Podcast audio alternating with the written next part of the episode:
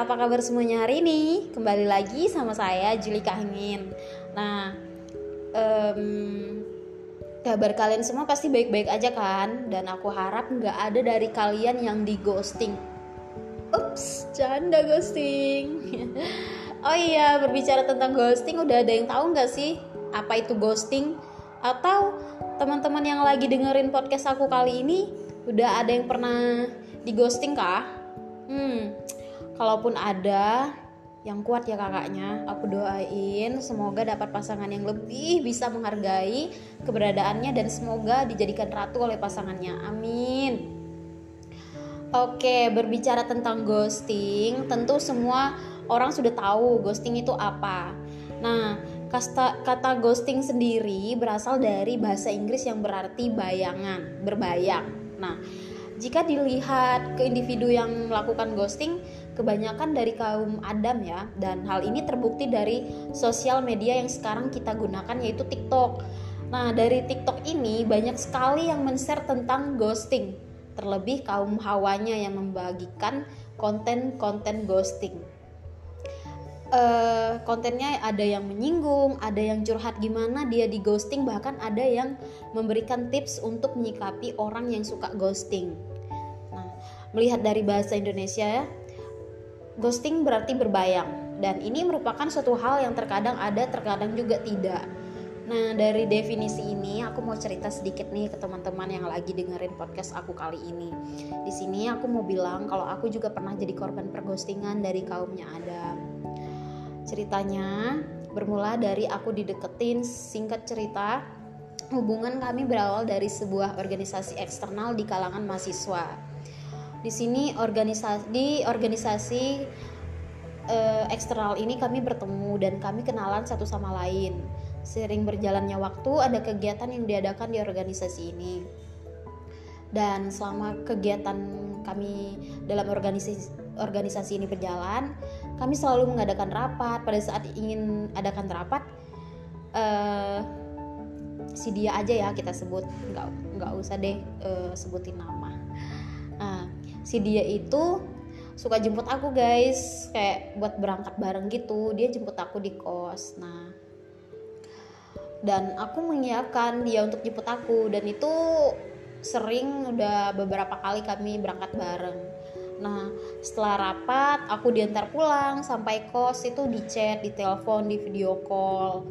Bahkan sampai jam 3, jam 4 baru tidur video call. Padahal cuman ngomong hal yang nggak penting lah ya. Ya teman-teman pasti tahu gimana.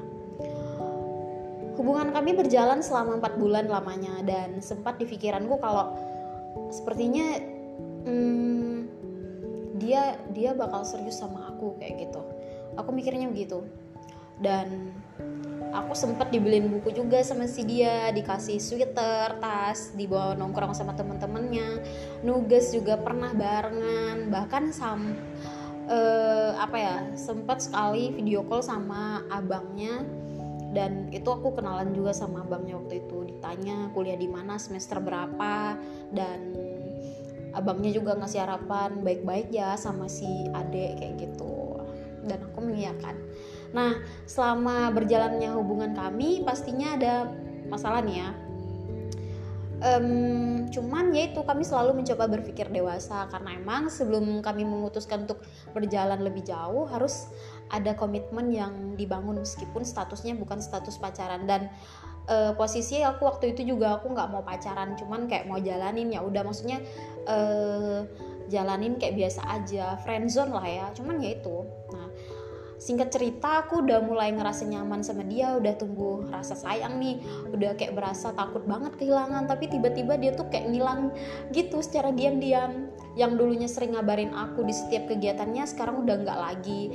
Setiap aku telepon kadang diangkat kadang enggak diangkat pun pasti bilangnya cuman kayak bentar dulu aku masih sama teman-temanku atau aku masih diskusi kayak gitu. Pokoknya alasan klasiknya itu ya yang selalu berhubungan dengan organisasi. Karena kan dia banyak teman-teman ya di organisasi gitulah pokoknya dan ini tuh berlangsung selama empat bulan setelah kami sama-sama mau jalanin selama empat bulan aku dideketin dan setelah aku ada rasa nyaman tiba-tiba dia ngilang kayak gitu Nah, singkat cerita, karena aku udah lihat sikapnya yang begini, akhirnya aku memutuskan untuk berhenti nyariin dia lagi.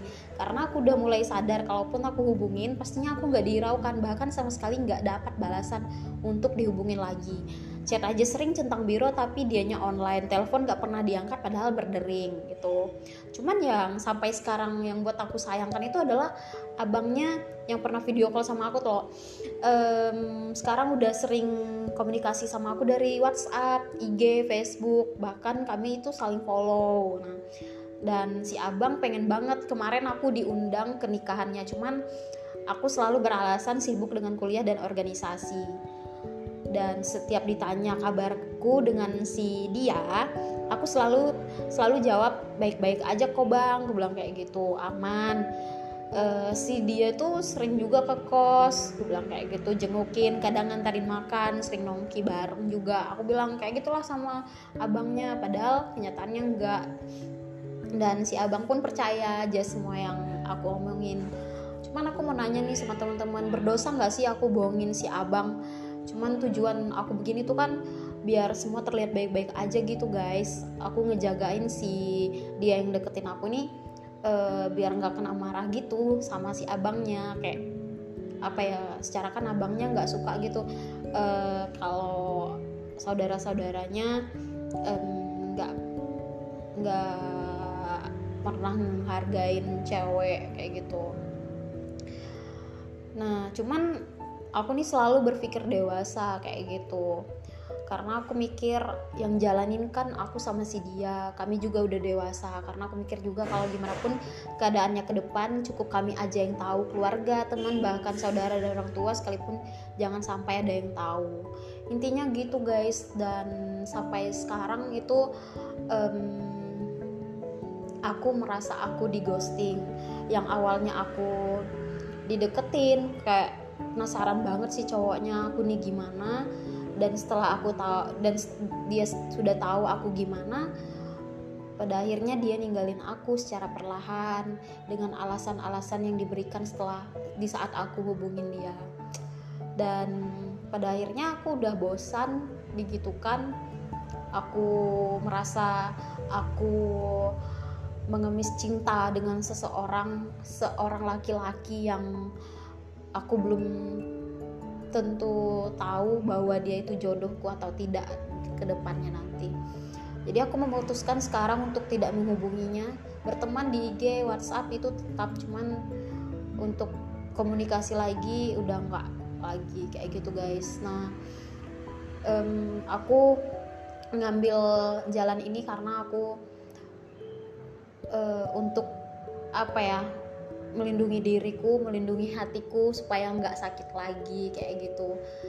Mending uh, aku juga berpikir aku harus fokus ke tujuanku aku harus fokus fokus ke pendidikanku karena orang tuaku sempat berpesan wanita yang berpendidikan akan ada laki-laki yang mengantri di belakang. Wanita yang cerdas akan ada laki-laki yang mengantri di belakangmu nanti. Kayak gitu.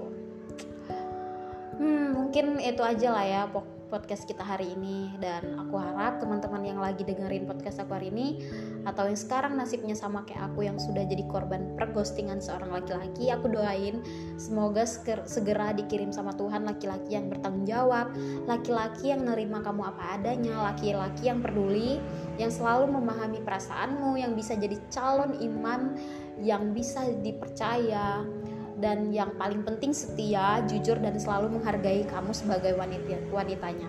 Amin. See you guys, thanks ya udah mau dengerin curhat pendek aku hari ini. Semoga apa yang kita doakan hari ini bisa segera dijawab oleh Yang Maha Kuasa. Amin. Bye, thank you.